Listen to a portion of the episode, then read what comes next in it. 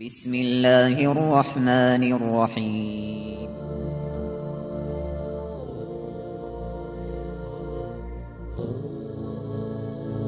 الرحمن العزيز الرحيم القوي السلام الكريم العظيم البصير العليم الحكيم الجبار.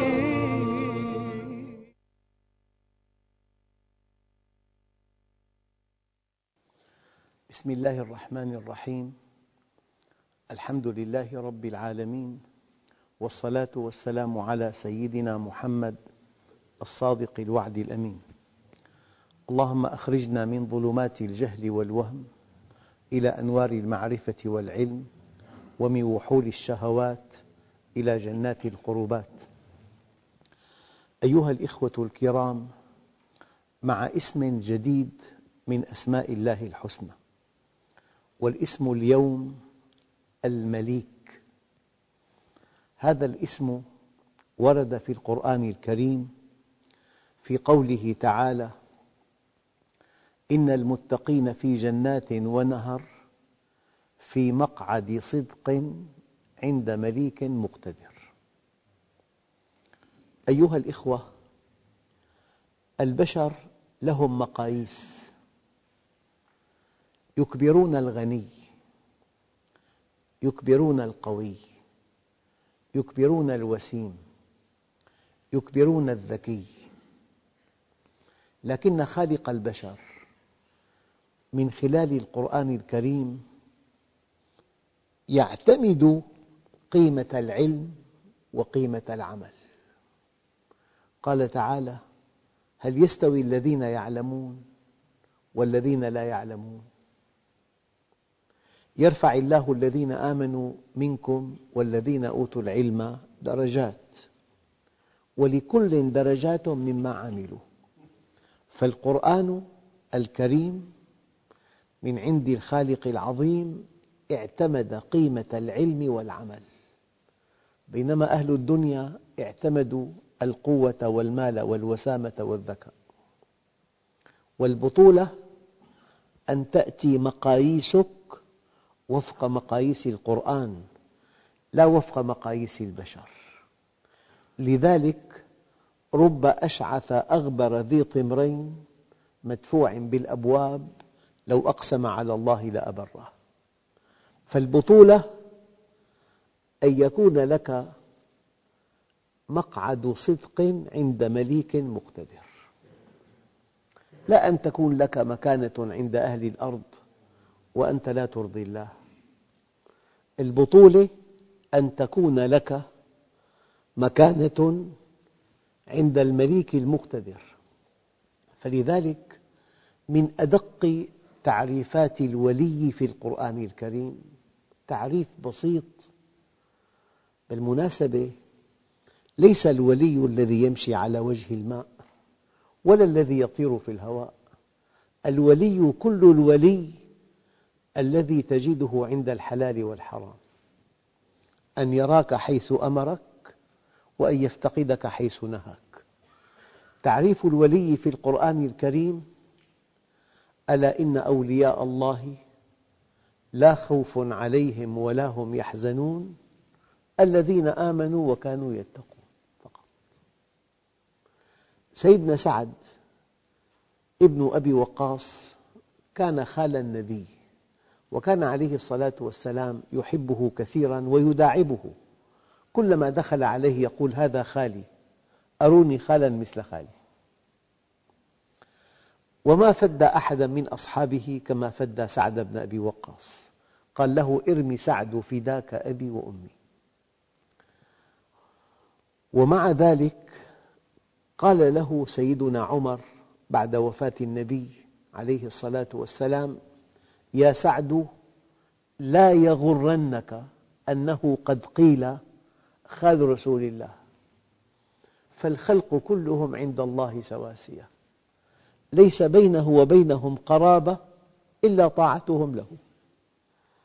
إن أكرمكم عند الله أتقاكم. فالمعنى الأول من اسم المليك أن يكون لك عند هذا الإله العظيم المليك مقعد صدق. إن المتقين في جنات ونهر في مقعد صدق عند مليك مقتدر. وقد ورد أيضا في السنة الصحيحة حيث أن أبا بكر رضي الله عنه قال يا رسول الله مرني بشيء أقوله إذا أصبحت وإذا أمسيت.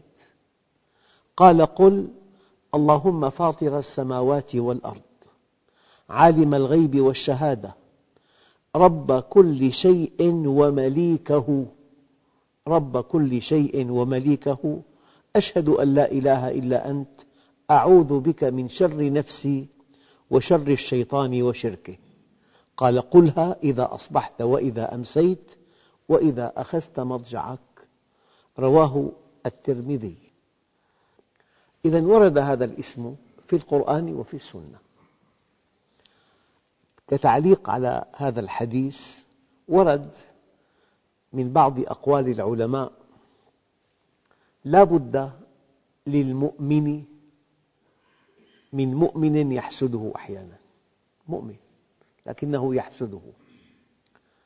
ومن منافق يبغضه. ومن كافر يقاتله.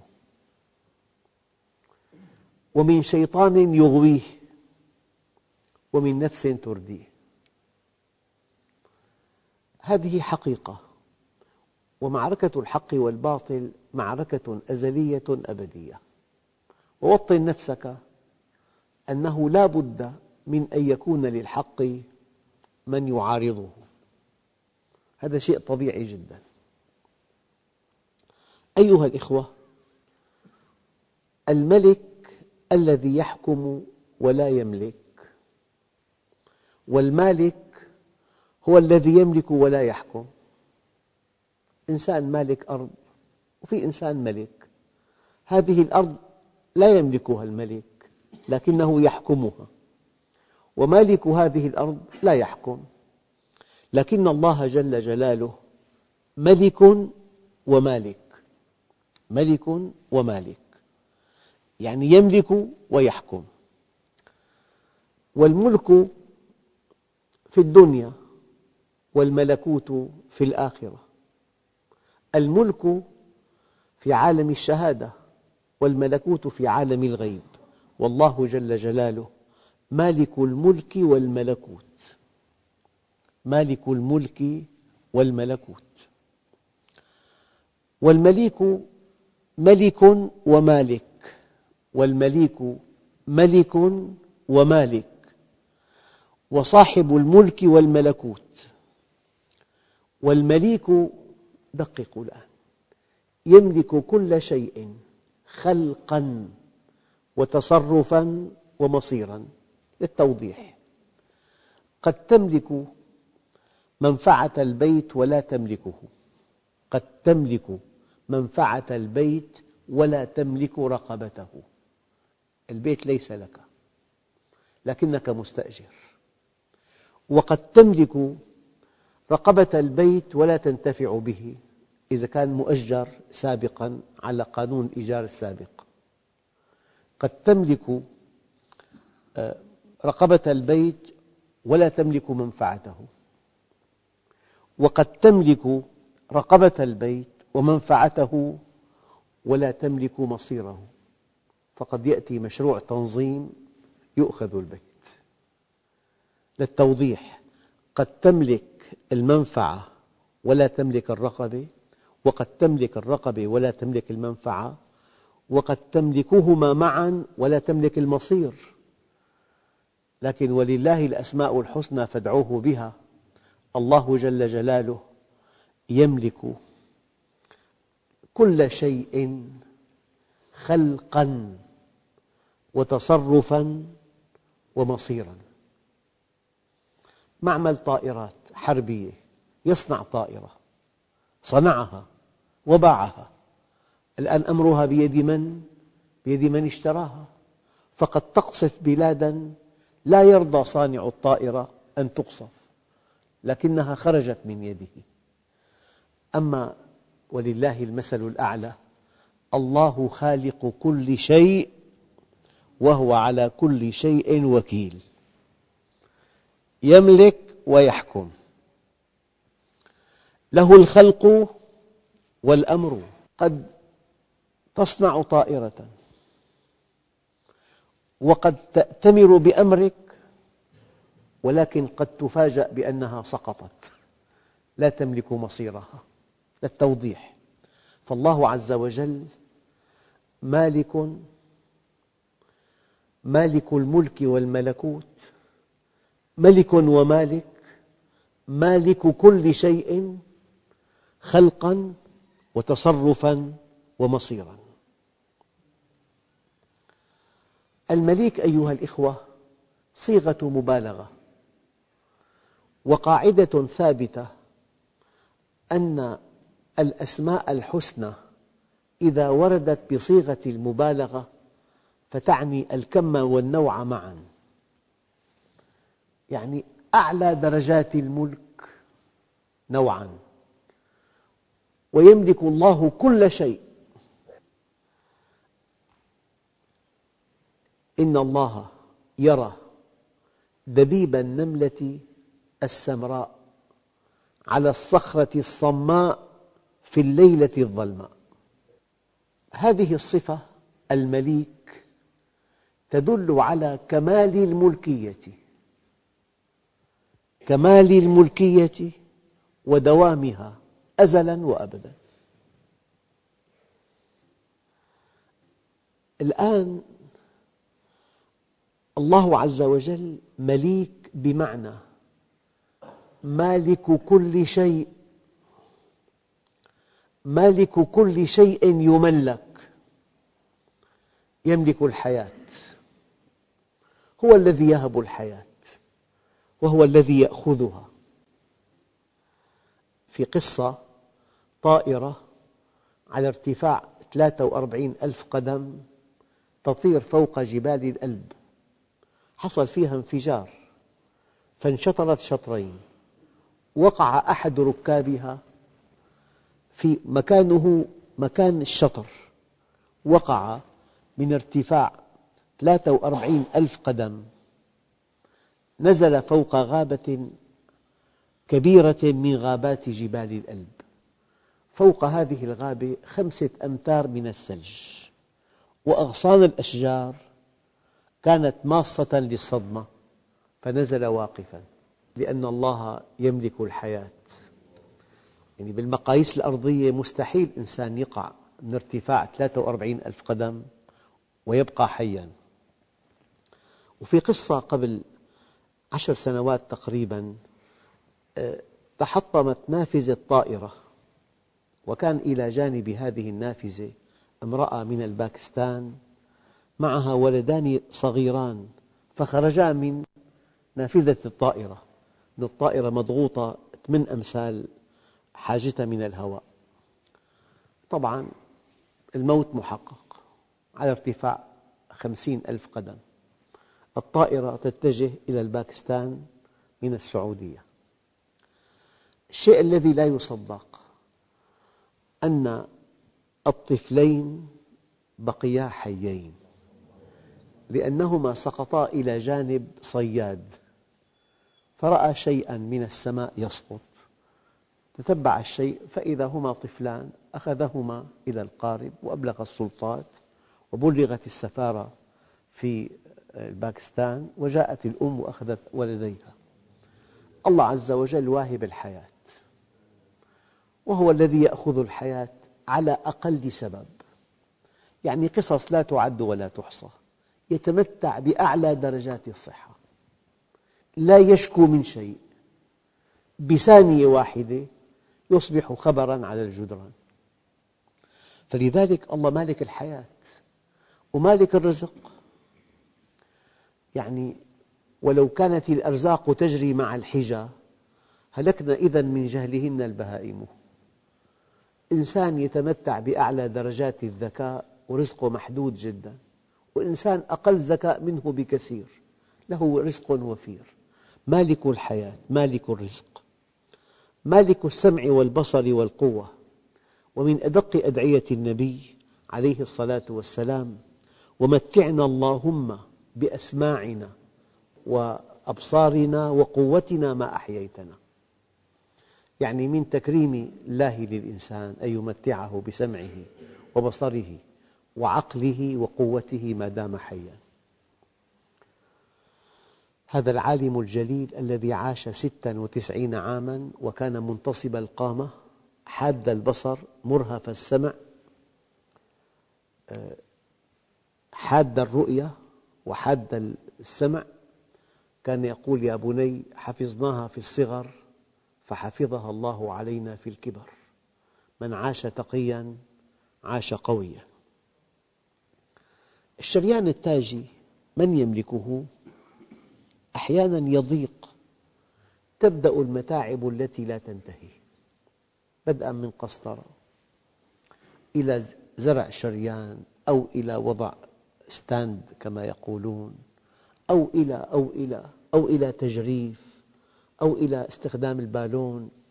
هذا الشريان اللي قطره ميلي وربع. كل نشاطك وحيويتك وحركتك وصعودك على الأدراج وسيرك السير الحسيس بسبب أن هذا الشريان التاجي لم يتضيق بعد. فإذا تضيق يدخل الإنسان في متاهة لا تنتهي. من يملك هذا القطر؟ قد يفحص عن طريق القسطرة إنسان عمره سبعين سنة كل الشرايين واسعة وسليمة. وقد تجد إنسان في الأربعين يقول لك خمس شرايين مسدودة. من يملك هذا الشريان؟ من يملك هذا الشريان الواسع لا الضيق من يملك نمو الخلايا؟ إذا نمت الخلايا نمواً عشوائياً انتهى الإنسان. ورم خبيث. يصيب كل الأعمار ويصيب كل أجزاء الجسم. في بالدماغ، في بالجلد، في بالعظام، في بالجهاز الهضمي، في بالعقد اللمفاوية. من يملك نمو الخلايا؟ الله جل جلاله. من يملك الشرايين؟ من يملك مرونتها؟ الله جل جلاله. من يملك سيولة الدم؟ الله جل جلاله. من يملك من حولك؟ الله جل جلاله. من يملك من فوقك؟ الله جل جلاله. من يملك من دونك؟ الله جل جلاله. إذا كان الله معك فمن عليك؟ وإذا كان عليك فمن معك. يا رب ماذا فقد من وجدك وماذا وجد من فقدك؟ أيام الإنسان لضعف إيمانه ولجهله يتوهم أنه يفعل ما يشاء لكن الله سبحانه وتعالى يقول وأملي لهم إن كيدي متين. كيدي متين يعني أنت في قبضة الله. ولو كنت قوياً ولو كنت غنياً. يعني مرة أخ والله أظنه صالحاً ولا أزكي على الله أحداً. قال كلمة خطيرة. قال الدراهم مراهم تحل بها كل المشكلات. فأدبه الله بأن أدخله المنفردة وبقي فيها سبعة وستين يوماً. وفي كل يوم يقول الدراهم مراهم لم تحل هذه المشكلة بالمال. فلذلك الإنسان إذا عرف اسم المليك بيده كل شيء بيده حواسك بيده نشاطك قدرتك بيده زوجتك بيده أولادك. إذا رضي الله عنك خدمك عدوك. وإذا غضب عليك تطاول عليك أقرب الناس إليك. نعم. بالمناسبة المتانة صفة في الأجسام. عبر عنها العلماء بأنها مقاومة قوى الشد. مقاومة قوى الشد. والفولاذ المطفور أمتن عنصر في الأرض. لذلك الجسور المعلقة والتلفريك والمصاعد تستخدم الفولاذ المطفور أما القساوة مقاومة قوى الضغط أقسى عنصر في الأرض هو الألماس. لذلك الحفارات تستخدم رؤوس من الألماس.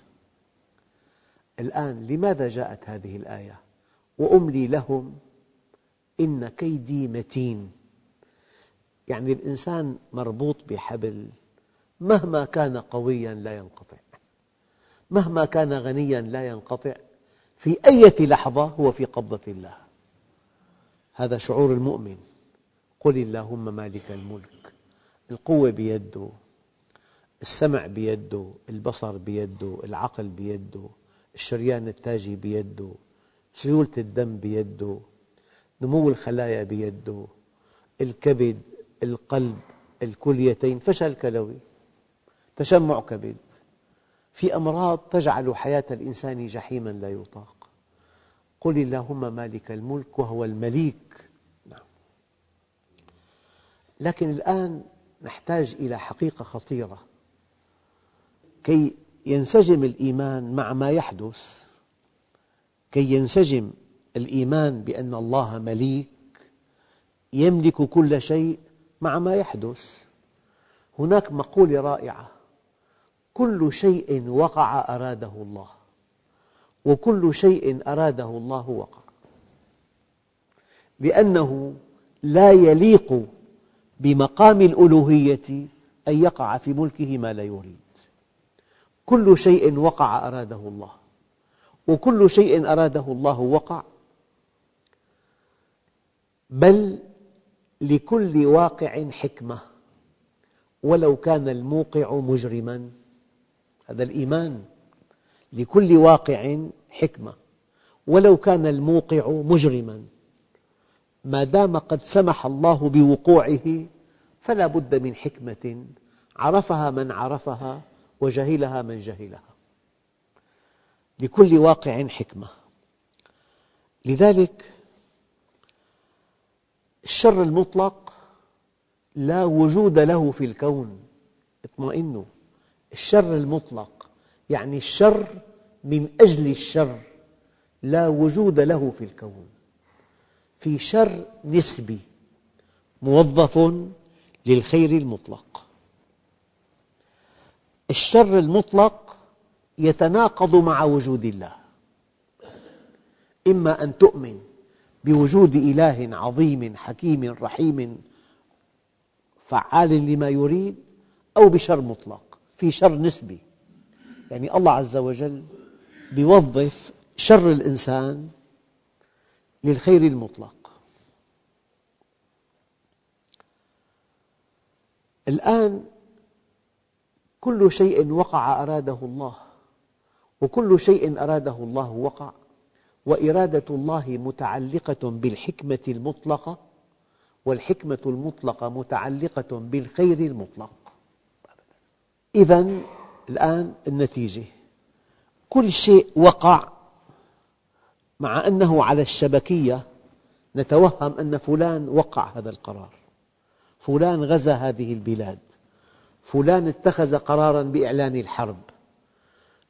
كنتيجة توحيدية كل شيء وقع وقع ضمن خطة الله. بل إن خطة الله استوعبت خطة القوي الظالم. يعني مرة سألوا تيمور لنج من أنت؟ سبحانك يا رب. أجاب إجابة رائعة قال أنا غضب الرب. الإنسان حينما يغضب قد يضرب وقد يكسر وقد يصيح وقد يشتم. فإذا غضب الله عز وجل. يبعث تيمور لنك سئل من أنت؟ قال أنا غضب الرب. الدليل القرآني. إن فرعون علا في الأرض وجعل أهلها شيعا يستضعف طائفة منهم يذبح أبناءهم. هذا الشر النسبي. ويستحيي نساءهم إنه كان من المفسدين. هلأ توظيف الشر النسبي من الطغاة والظلام للخير المطلق ونريد أن نمن على الذين استضعفوا في الأرض. ونجعلهم أئمة ونجعلهم الوارثين. ونمكن لهم في الأرض ونري فرعون وهامان وجنودهما منهم ما كانوا يحذرون. هذه سياسة الله. وأسأل الله أن تكون هذه الهجمة الشرسة على المسلمين من هذا القبيل. ونريد أن نمن على الذين استضعفوا في الأرض ونجعلهم أئمة ونجعلهم الوارثين. إخوتنا الكرام ابتلي المسلمون برجل بطاش في العصور السابقة. فجاء نفر من علية القوم إلى الإمام الحسن البصري. والإمام الحسن البصري والله له كلمة تكتب بماء الذهب. لما كان عند والي البصرة وجاء توجيه من يزيد إن نفذه أغضب الله. وإن لم ينفذه أغضب يزيد فعزله. قال له ماذا أفعل؟ فقال له الحسن البصري إن الله يمنعك من يزيد ولكن يزيد لا يمنعك من الله. هذه مقولة تكتب بماء الذهب. إن الله يمنعك من يزيد ولكن يزيد لا يمنعك من الله.